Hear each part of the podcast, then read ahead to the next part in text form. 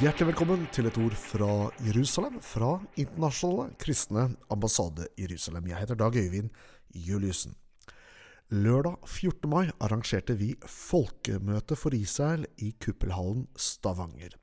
Og her skal du få lov til å høre en av appellantene, nemlig Sten Sørensen. Kjære alle sammen. Jeg er glad over å få hilse til dere i dag under konferansen. Dere er i Norges fineste by, Stavanger. I alle fall Norges viktigste by. Her er, har misjonen og bedehus og menighetslivet hatt en sentral plass og vært en del av en viktig historie.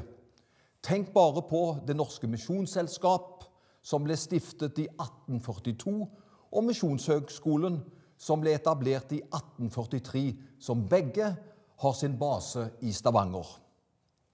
Den kjente forfatteren og predikanten Magnus Malm har i en kronikk presentert tanker om kristen pasifisme. Han spør hva som hadde skjedd dersom Ukraina ikke hadde gjort militær motstand da landet ble invadert. Da svarer han at sannsynligvis ville ingen bli drept Ingen barn ville bli skilt fra fedrene sine, og ingen hadde vært tvunget til å flykte. Hvetehøsten hadde blitt berget, og matprisene i Afrika hadde vært hindret i å skutt i været. Dette høres fascinerende ut, men dessverre er det naivt og hinsides det virkelige liv. Tvert om vi trenger et sterkt Nato.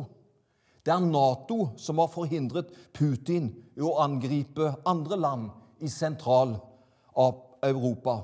Derfor forstår jeg godt Finland og Sverige som nå søker Nato-medlemskap for å gi trygghet. En sterk forsvarsallianse er vårt beste forsvar. Jeg syns, apropos Jens Stoltenberg, har gjort en solid innsats som generalsekretær i alliansen. Takk til ham som leder Nato i en krevende tid. Tenk om Israel hadde praktisert Magnus Malms hypotese om pasifisme i den kronikken som han skrev om å ikke gjøre motstand.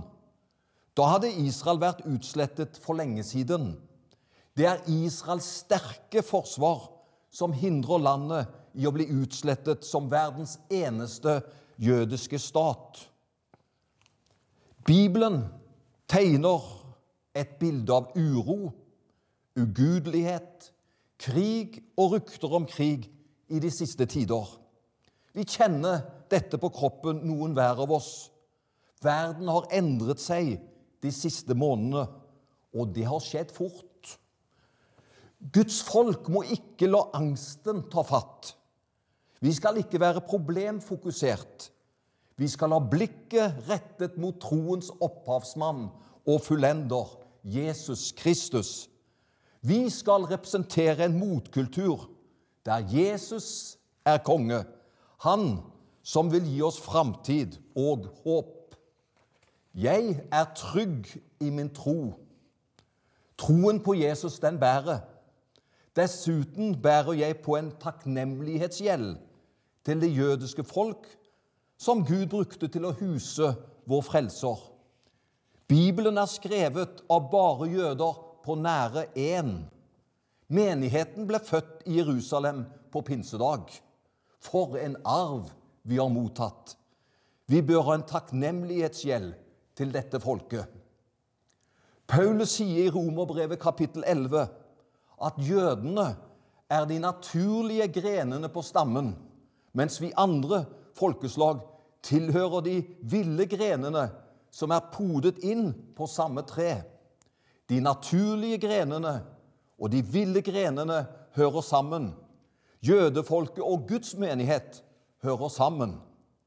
Jødefolket er utvalgt av Gud, og pakten mellom Gud og jødefolket er ikke avsluttet. Gud vil aldri bryte denne pakten. Gud kan vi stole på.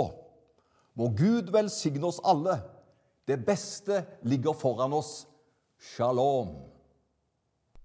Ja, det var kristenleder, forfatter, pastor Sten Sørensen du hørte her under hans appell til Folkemøtet for Israel i Stavanger lørdag 14. mai. Nå skal du få høre musikk.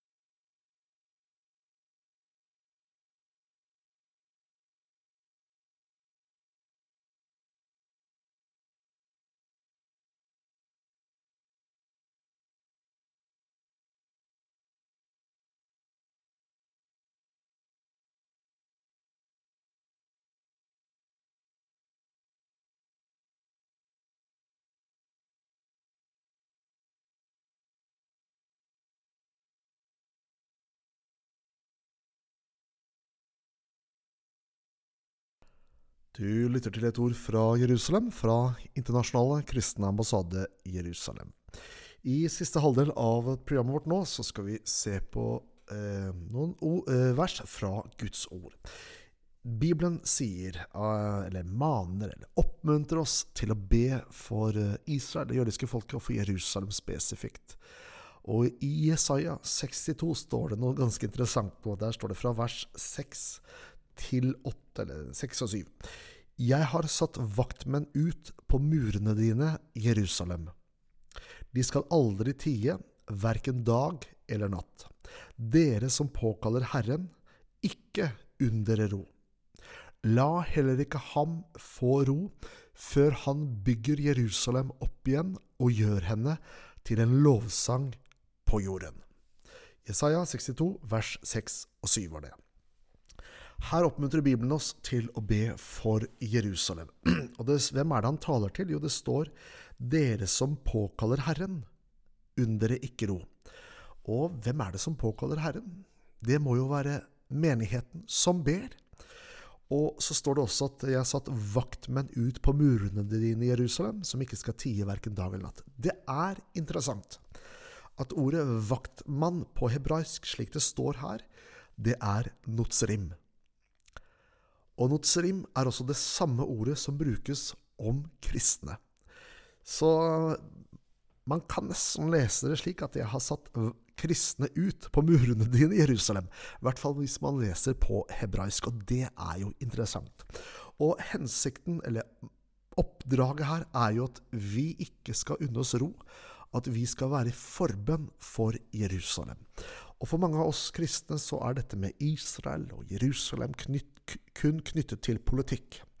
Um, men Bibelen sier at Jerusalem, eller Jesus selv sier at Jerusalem er den store konges by. Altså det er hans egen by.